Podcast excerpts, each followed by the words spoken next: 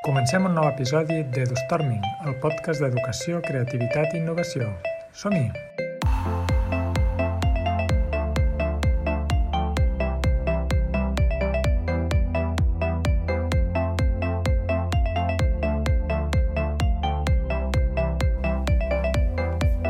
Avui parlem amb Dani Amo, professor i investigador a la Salle especialitzat en analítiques d'aprenentatge. Entre altres, ha escrit el llibre Learning Analytics, la narración del aprendizaje a través de los datos, i Analítiques d'aprendizaje, 30 experiències en l'aula con los datos. A més a més, manté el blog de divulgació sobre Learning Analytics Edulítiques, que és molt recomanable.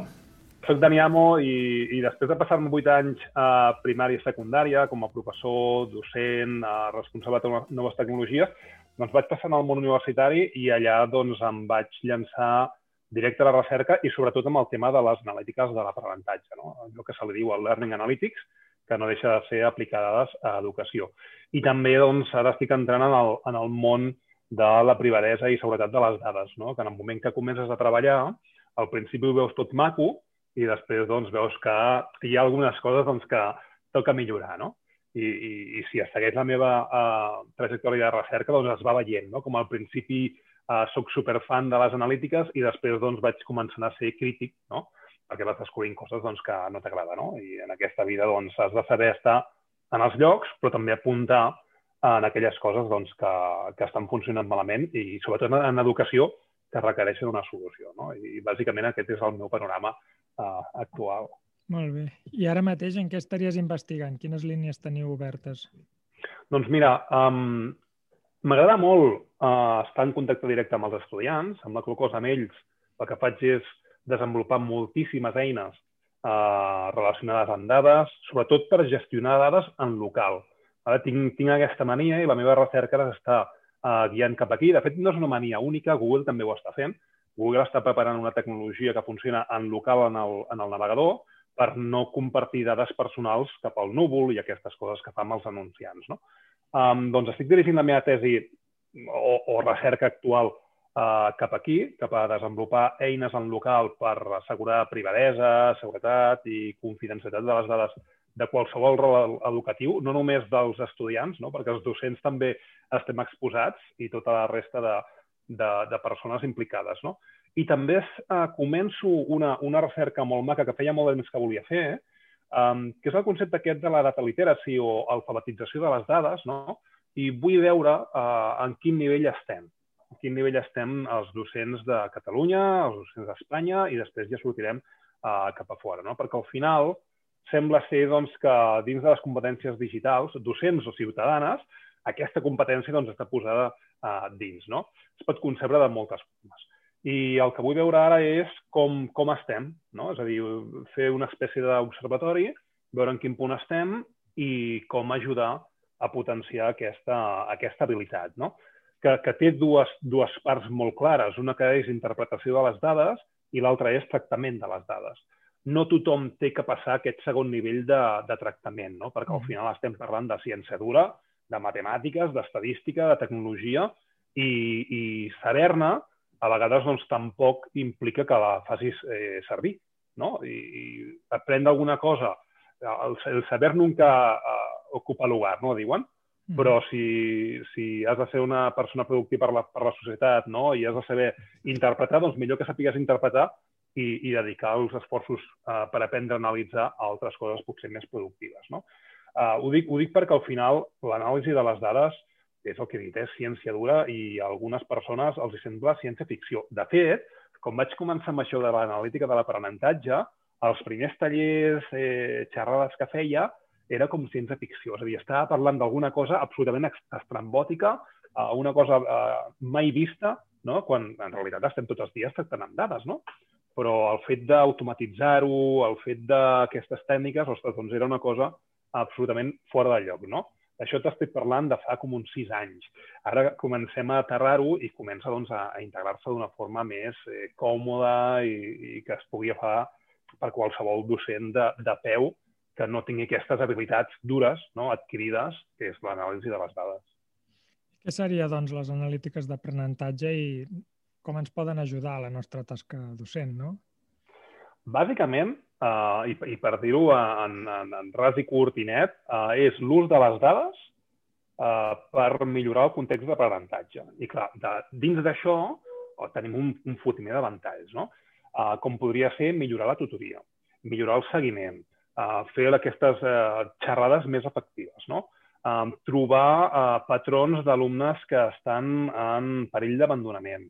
Uh, bàsicament, el que es tracta és de explotar les dades, és a dir, aplicar-hi uh, models matemàtics, models estadístics, uh, fer-hi càlculs, no? Uh, per extreure uh, comportaments d'estudiants. És a dir, el Learning Analytics, o l'analítica de l'aprenentatge, uh, es tracta d'extreure comportaments dels estudiants. No de mesurar l'aprenentatge, perquè l'aprenentatge no es pot mesurar, no? El que passa que bueno, li hem de posar un nom i li vam posar doncs, analítica de l'aprenentatge. Des del meu punt de vista, erroni, però és el nom que s'ha de quedar perquè s'hauria de ser analítica del comportament dels estudiants. No? Uh -huh. Per tant, amb l'anàlisi d'aquestes dades del comportament, extreus eh, patrons de comportament, extreus doncs, com els alumnes estan interactuant eh, dins de les eh, plataformes educatives. No? Per exemple, un Edpuzzle no? doncs et diu eh, quant de temps ha vist un vídeo, si l'ha vist sencer, si ha repetit alguna part. No? Aquestes indicacions doncs, et permeten saber, ostres, si l'alumne l'ha vist, si hi ha algun lloc que hi ha algun problema o si d'una sola tacada doncs, se l'ha vist i ho entès perfectament perquè després li fas una sèrie de preguntes. No? O sigui, al final, analitzar dades consisteix en, en agafar totes aquestes interaccions dels estudiants en entorns digitals, passar-los per un filtre matemàtic i el resultat doncs, actuar en conseqüència. El que passa que hem d'anar en compte, no? perquè això sona molt maco, no? però quan un algoritme ens diu que, ei, que hi ha un alumne que està en perill, no? doncs potser no està en perill, i si a sobre li dones poder, poder de decisió a l'algoritme, doncs li ha parda. Mira, en, en uh, Anglaterra, uh, no sé si és el cas dels A-Levels, no? Uh, els A-Levels al final uh, van posar en algoritme um, per recalcular notes uh, universitàries i què va passar? Doncs que una gran majoria d'alumnes els hi va baixar la mitja, els hi va baixar la nota i no van poder entrar a les universitats. No?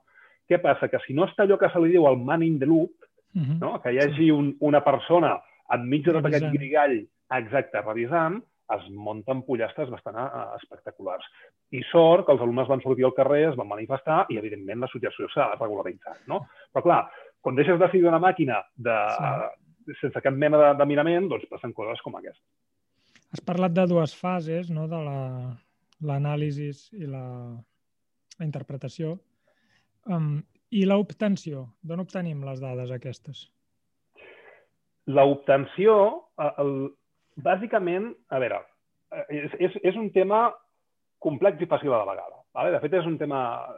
Els inicis de l'analítica de l'aprenentatge um, parteixen de, dels entorns virtuals d'aprenentatge, com podria ser un Moodle, com podria ser un Google Classroom, els inicis parteixen d'aquí. No? Uh, què passa? Que quan estem en una, en una pàgina web, que no deixa de ser un entorn virtual d'aprenentatge com Moodle, és una pàgina web. No? Doncs cada un dels clics doncs generen uh, un registre de dades. Sí?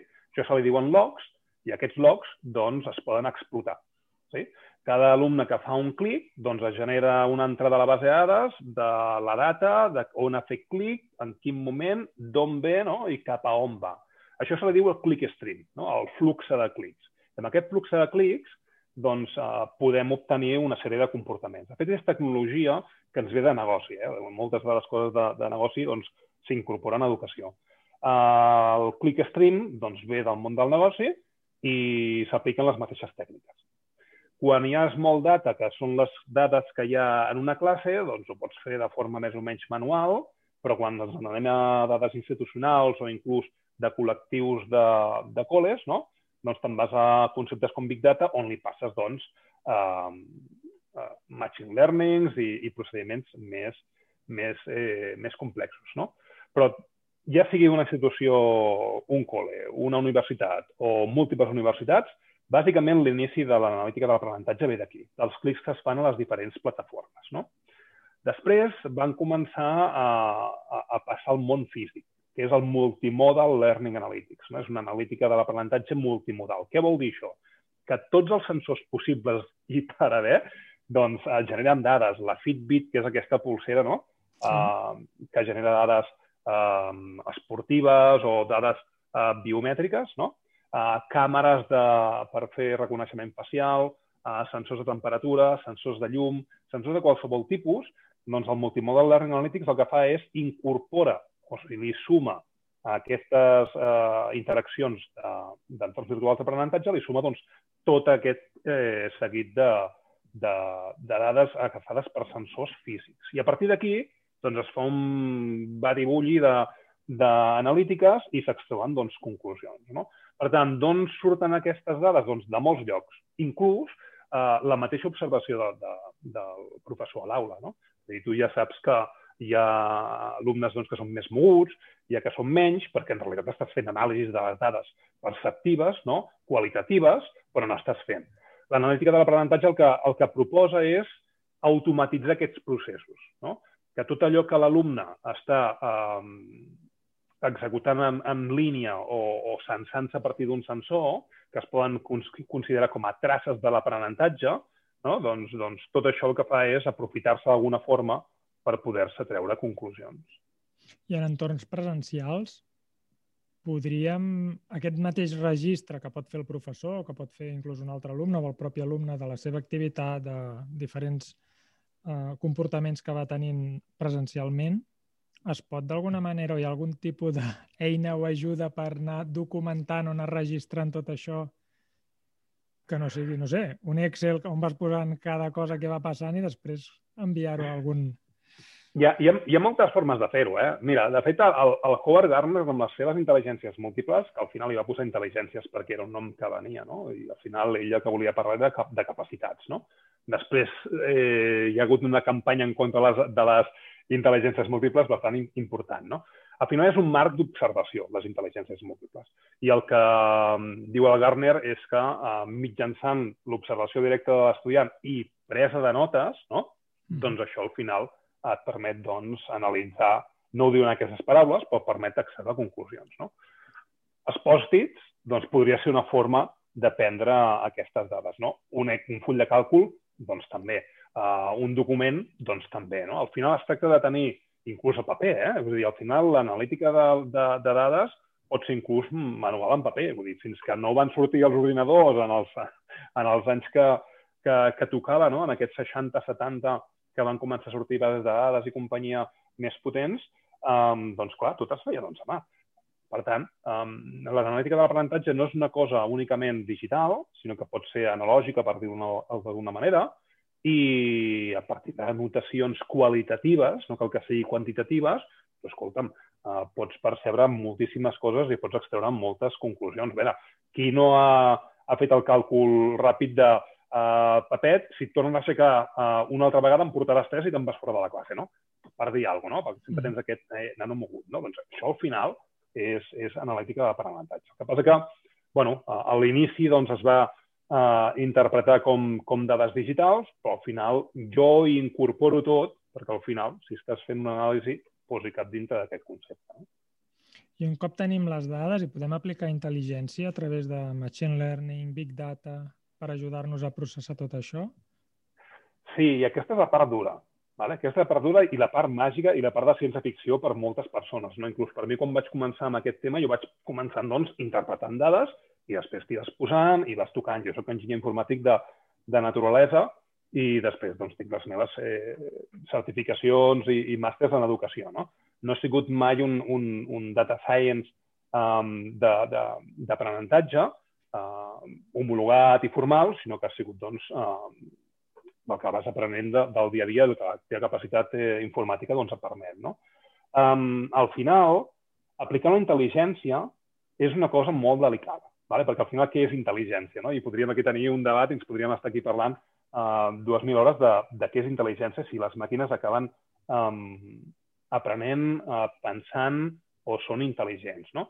Des del meu punt de vista, la màquina, les màquines són intel·ligents. El que passa que aquesta intel·ligència li donem nosaltres. Què vol dir això? Que les màquines necessiten dades. Sense dades, doncs, no hi ha un aprenentatge, no hi ha un comportament, no hi ha doncs, un, un saber fer. No? I aquestes dades les posem absolutament nosaltres. No? Per tant, a partir del que nosaltres podem posar-hi en, en una màquina, eh, podem dir que està d'alguna forma fent coses intel·ligents per extreure doncs, doncs, conclusions. No? I podem aplicar doncs, models matemàtics complexos, models estadístics complexos i, bàsicament, la intel·ligència o el que és el machine learning, l'aprenentatge de les màquines, eh, consisteix en, en models matemàtics decisionals, models matemàtics organitzatius, models matemàtics que al, al final el que fan és eh, agafen una sèrie de dades que els humans estem donant, no? les processen i després en treuen una, una sèrie de conclusions que nosaltres les interpretem en percentatges, les interpretem doncs, inclús amb, amb, si la màquina doncs, és capaç de convertir-ho en, en frases textuals, no? l'alumne tal doncs, té un percentatge de suspès d'un 90%, no? Hauries de fer alguna cosa.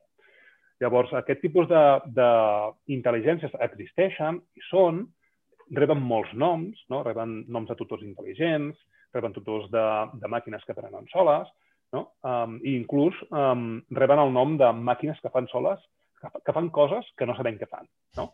El que és el deep learning és una, és una tecnologia de, de, de capes de machine learning perquè ens entenguem, no? de capes o, o, o les xarxes neuronals. No? Són capes de processat on cada una de les capes té una sèrie de processos que tenen una sèrie de pesos, no? i segons els pesos que s'hi li assigni els resultats d'un procés i d'un altre, acaben passant per les diferents capes i donant un resultat. Nosaltres, els humans, aquesta tecnologia l'hem creada, però en el procés no sabem què passa no sabem com les màquines estan prenent aquestes decisions. Això és important, no? Perquè um, al final no sabem si les màquines ens uh, menteixen, no ens menteixen, si ens estan uh, modificant la realitat d'una forma o altra, de forma deliberada, que segurament no, perquè... Uh, o, o, o sí, no? Uh, o, o és absolutament casualitat que està traient aquestes coses. No? Però entendre el procés de per què ho fan és molt interessant per, per poder evolucionar més en, en el tema. No? Ja s'estan fent algunes, en algunes recerques que permeten entendre aquests processos, però encara ens queda un, una mica per recórrer.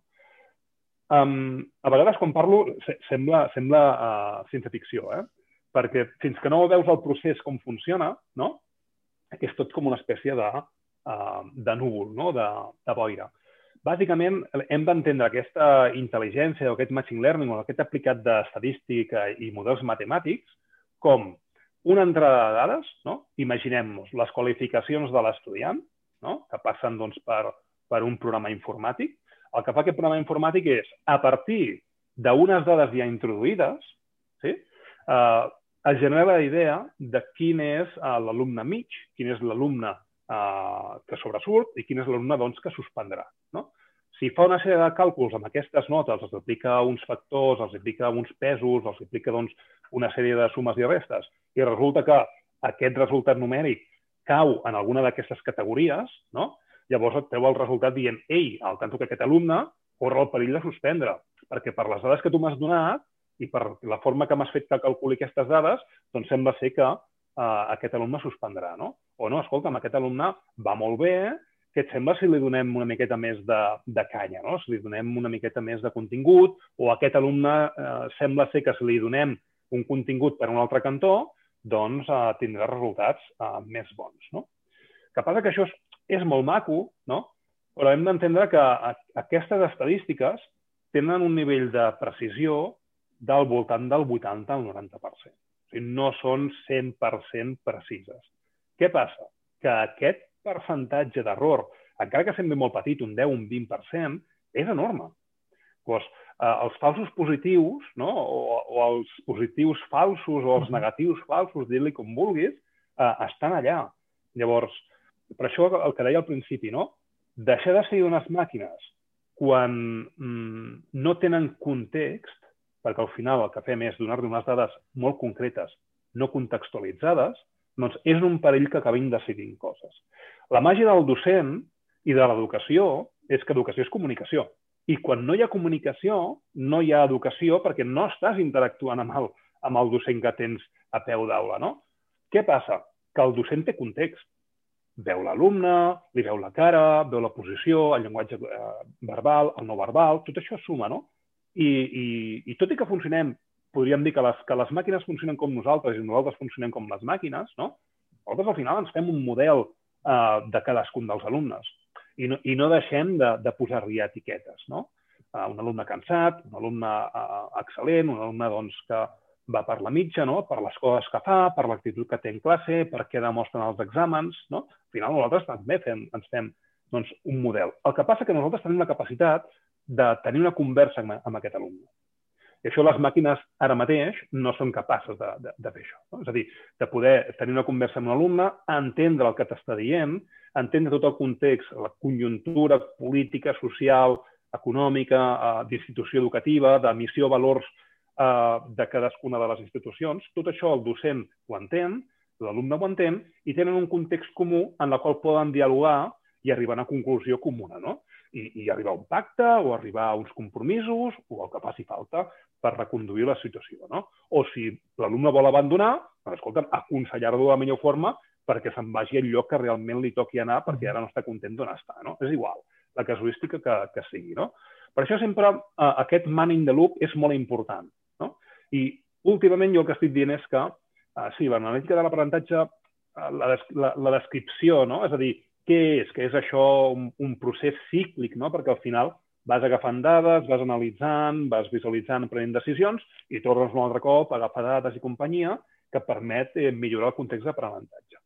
Aquesta és la descripció estàndard. Si em permets fer la nova descripció de l'analítica de l'aprenentatge, vale? sí. per mi aquest, aquest sistema eh, estadístic o matemàtic el que serveix és per tenir un motiu per parlar amb l'estudiant. No? És a dir, et dona aquella informació per poder tenir una, una conversa interessant amb l'estudiant. Ostres, escolta'm, el que estàs fent a la plataforma digital m'està disparant totes les armes perquè no estàs accedint al curs.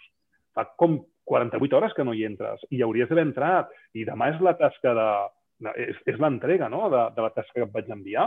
No has consultat aquest eh, contingut, no has mirat res. Què passa? Eh, ho estàs consultant a un altre cantó? T'està mm. ajudant algú? Estàs fent classes de reforç? És a dir, eh, al final l'analítica de les dades o el seu resultat eh, t'ajuda a tenir un motiu per asseure't amb l'estudiant, tenir una conversa de tu a tu i veure què és el que està passant. I a partir del criteri docent, ostres, donar-li una solució, no? I no esperar que la màquina doncs, et digui, ei, eh, docent, um, tu estigues tranquil a la teva taula, no? que jo ja agafo les dades, ja censo per tu i pels teus alumnes i en un moment donat jo ja faré la prescripció que faci falta i si puc fer-ho automàticament ja ho faré, no? I tu, si un cas, li pots donar un botó per acabar d'executar el que sigui. Això és molt pervers, no? Uh, jo crec que l'educació sent comunicació hi ha d'haver aquest factor humà que permeti tenir una conversa de tu a tu. Per tant, tampoc no seria necessari obsessionar-se amb tenir milers i milers de dades no? i dir, no, no, anem a buscar estudiants d'altres escoles, d'altres països per alimentar la, la màquina i tenir uns resultats ah. més fiables, perquè sempre estarem acabant amb aquest percentatge d'incertesa o de dubte. Sí, és, és, és, hi ha els dos factors que estan molt clars. No? És a dir, hi ha el percentatge d'incertesa, no? aquest marge d'error d'un 20-10%, doncs que els sistemes eh, informàtics eh, porten des de fa molt de temps. No? I l'altre és el context. Llavors, si nosaltres estem agafant estudiants d'Estats Units o de l'Índia o de l'Àfrica, el context en Catalunya és absolutament diferent. Llavors, eh, el nivell eh, que pot tenir un estudiant d'Estats Units o de França, que la tenim aquí al costat, mm, pot ser absolutament diferent, perquè el sistema educatiu és diferent, les polítiques educatives són diferents, els aprenentatges que es fan eh, a primer de primària o al primer cicle o al segon cicle són absolutament diferents, les competències es treballen d'una forma eh, completament diferent, no? I potser en un lloc es fa més, més recerca o es dona més autonomia a l'alumne i l'altre, doncs, els continguts estan més guiats i l'alumne ha de passar pel tu, no? Clar, fixa que hi ha moltes casuístiques i molts contextos diferents i això, si ho barreges tot, evidentment pots tenir un model, no? Però, clar, aquest model és pervers. Primer, perquè té contexts completament diferents i, segon, perquè pots caure en el viatge de gènere, en un viatge um, d'habilitats en un, un fotiment de guiaixos. No? Llavors, al tanto quan tenim aquestes prediccions, perquè què és el que estem predeint i en base a què. Mm. Per això, uh, en el Big Data es necessiten dades de diferents tipus i amb retroalimentació constant. És a dir, el sistema necessita dades constants per aconseguir el màxim de fiabilitat possible. No? El que passa que és el que dius tu, és a dir, no té cap mena de sentit començar a agafar dades així perquè sí i començar a barrejar-les perquè tenim un marge d'error que és el que és i després tenim un context que ens pot esbiaixar totes les dades que tenim incorporades.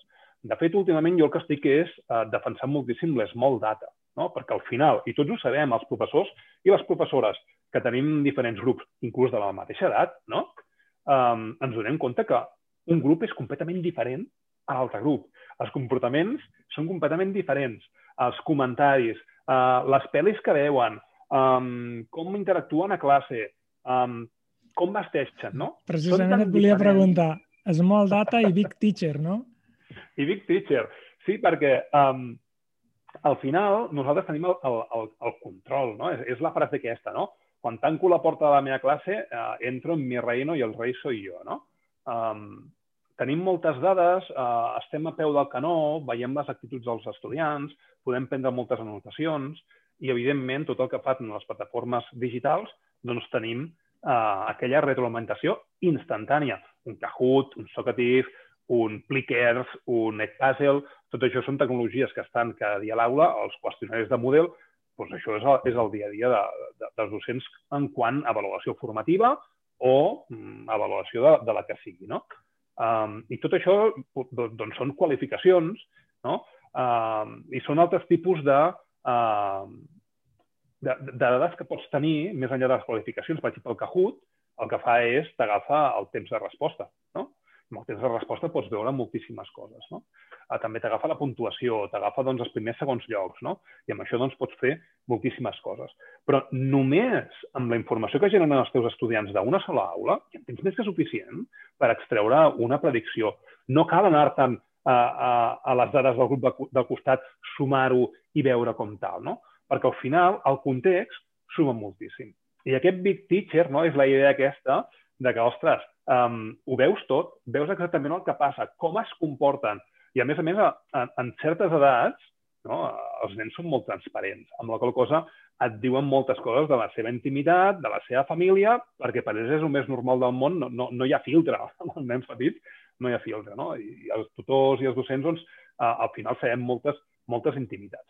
I aquesta és la idea del Big Teacher, que un Big Teacher doncs, eh, té associada una gran responsabilitat no? la responsabilitat de tenir cura dels de, de, teus estudiants, ja siguin petits o siguin grans, perquè veus moltíssimes coses, veus com es comporten, veus els, els, els biaixos cognitius que tenen, no?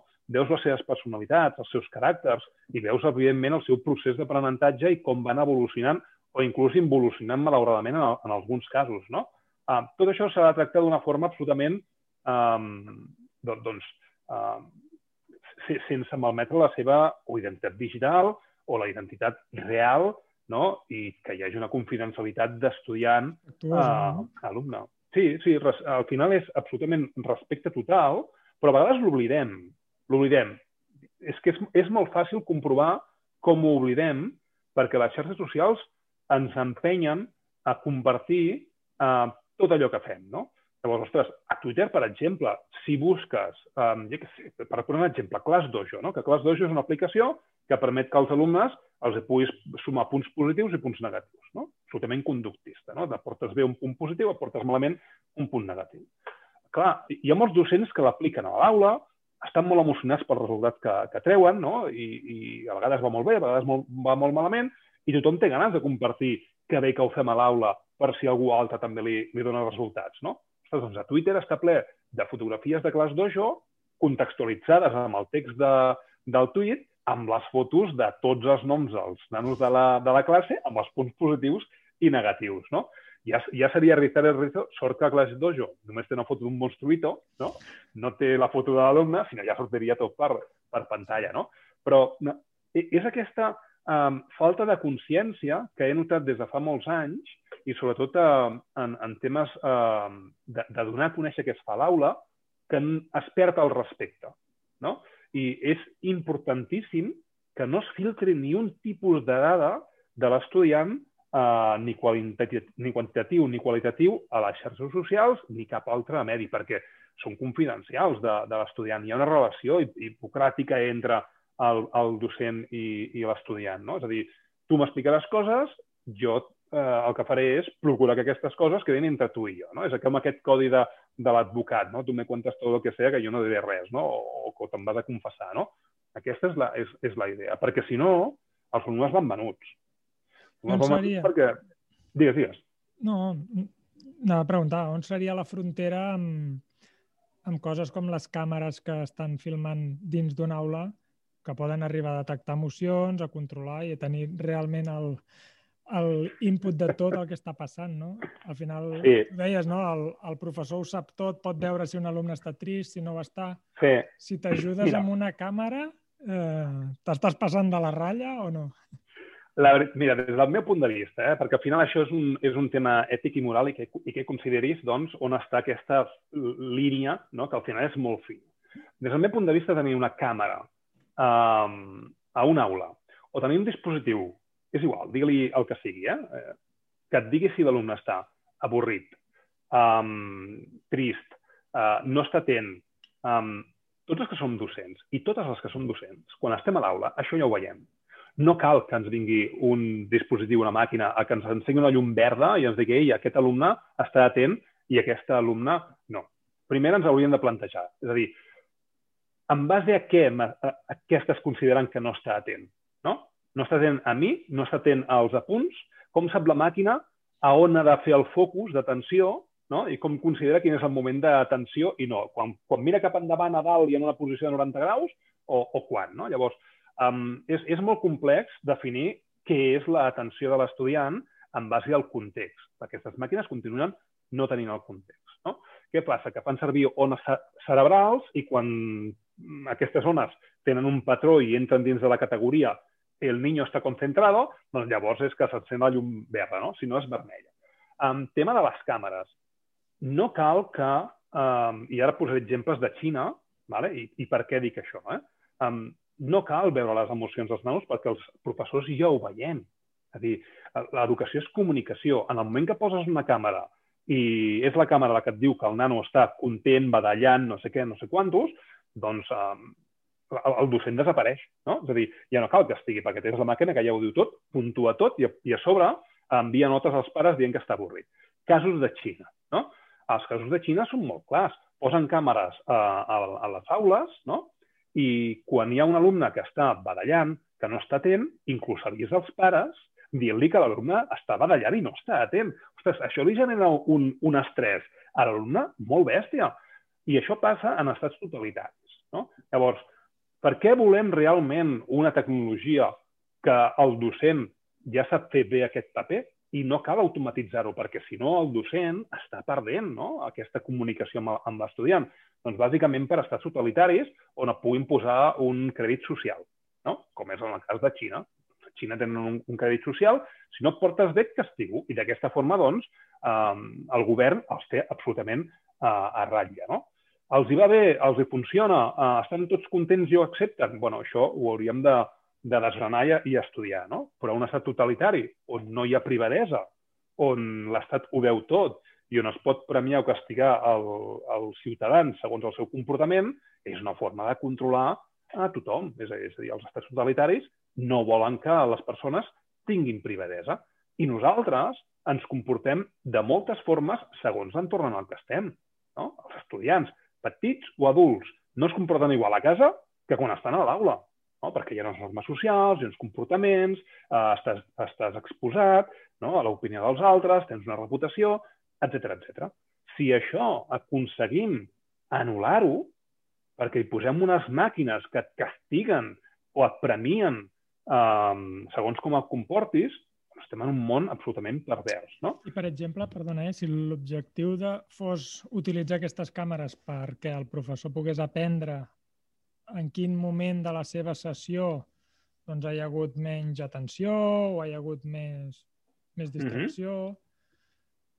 Mira, um, en, en, hi estic d'acord, vale? I, i jo, jo he fet propostes de recerca en aquest sentit. Eh?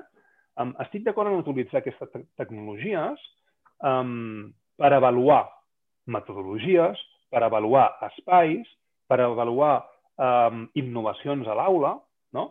de forma molt puntual, perquè al final el docent um, no, no, no pot veure tot. No? Evidentment, quan, quan els alumnes estan amb, amb un iPad, amb una tauleta, amb un ordinador, um, el docent veu la part de darrere de, de, del dispositiu, però no veu què està fent. No? I si els alumnes es posen a treballar en paper i en grup, hi haurà cares que es perdran perquè estarà d'esquena i companyia. No? Um, tanmateix, el fet de posar aquesta, aquesta tecnologia el que està fent d'alguna forma és eliminar el, el lliure, el vir no? de, de, de cadascuna de les persones no? i dels estudiants. Llavors, a mi em sembla molt adequat eh, en contextos de recerca. No? En el moment que hagis d'avaluar si un canvi està tenint eh, cert, eh, cert efecte, a mi em sembla eh, doncs, que puntualment es pot fer servir aquesta tecnologia. No? Ara, utilitzar aquesta tecnologia eh, com a forma d'avaluar o de controlar o de monitoritzar em sembla una, una miqueta uh, pervers. Eh? I, I sembla que vagi en contra de, de, de, de l'analítica de l'aprenentatge, no? En part sí, perquè al final uh, has de posar una línia, no? Llavors, el fet de que uh, tu estiguis eh, fent clics en una pàgina web, ostres, um, no, no fa, no, no et modifica el teu comportament, no? perquè tu comportes d'una forma i ja està. Si saps que um, t'estan controlant d'aquesta forma o, o, o que saben que fas clics, bueno, doncs, escolta'm, et pots comportar d'una forma o una altra, no?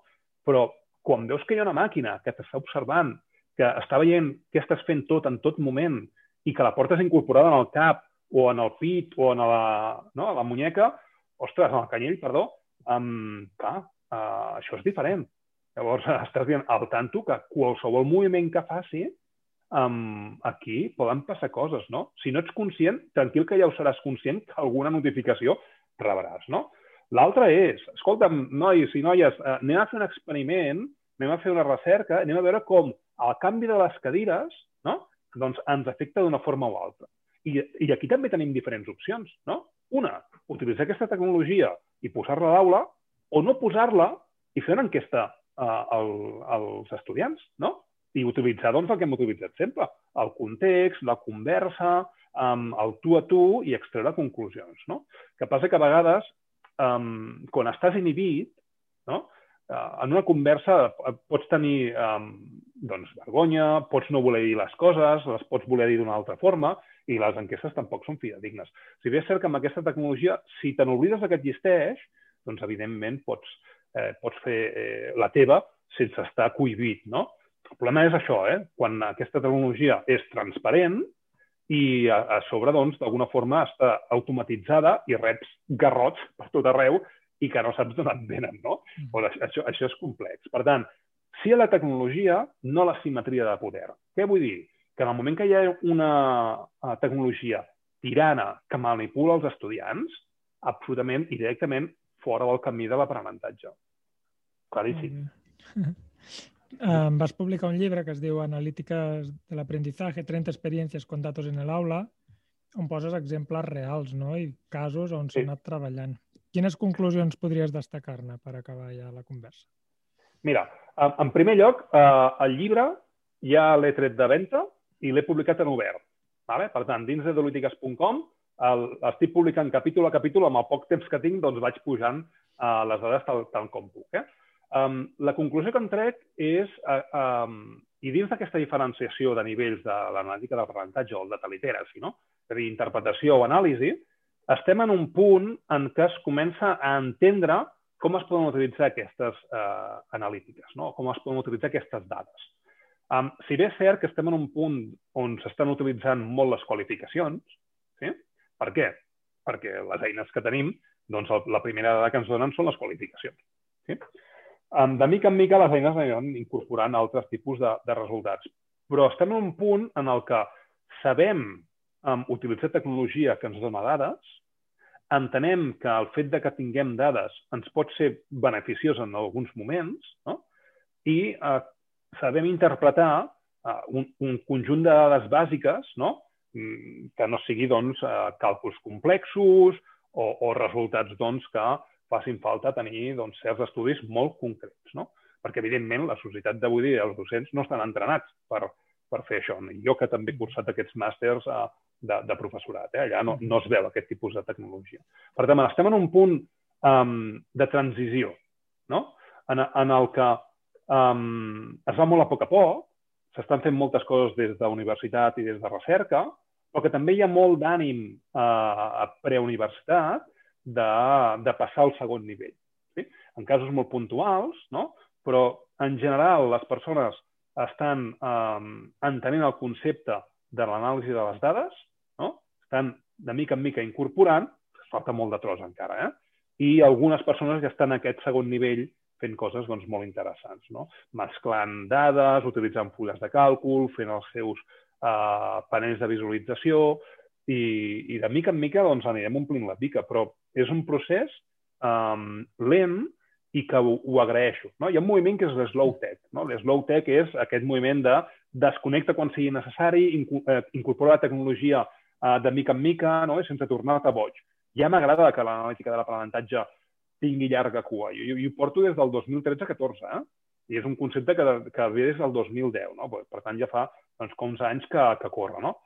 Um, ja m'agrada perquè així anem uh, coent, a foc lent, uh, la, la, les bones coses que porta i les males coses que porta, doncs, tenim temps de reflexionar. No? I espais com aquest, uh, ostres, s'agraeixen que hi siguin per poder veure que hi ha coses bones i hi ha coses que no són tan bones. No? I on està la línia fina? Doncs aquí és on nosaltres hem de parar els peus d'aquestes màquines.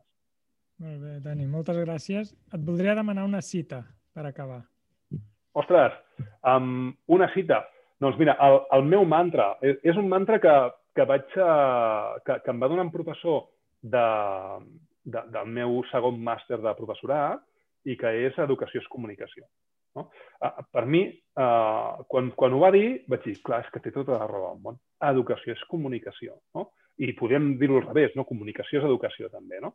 Per tant, si haig de dir alguna, tot i que no sigui una cita com, com a tal, no? doncs educació és comunicació per un professor del meu segon màster. Moltes gràcies. Molt bé, a tu, Francesc.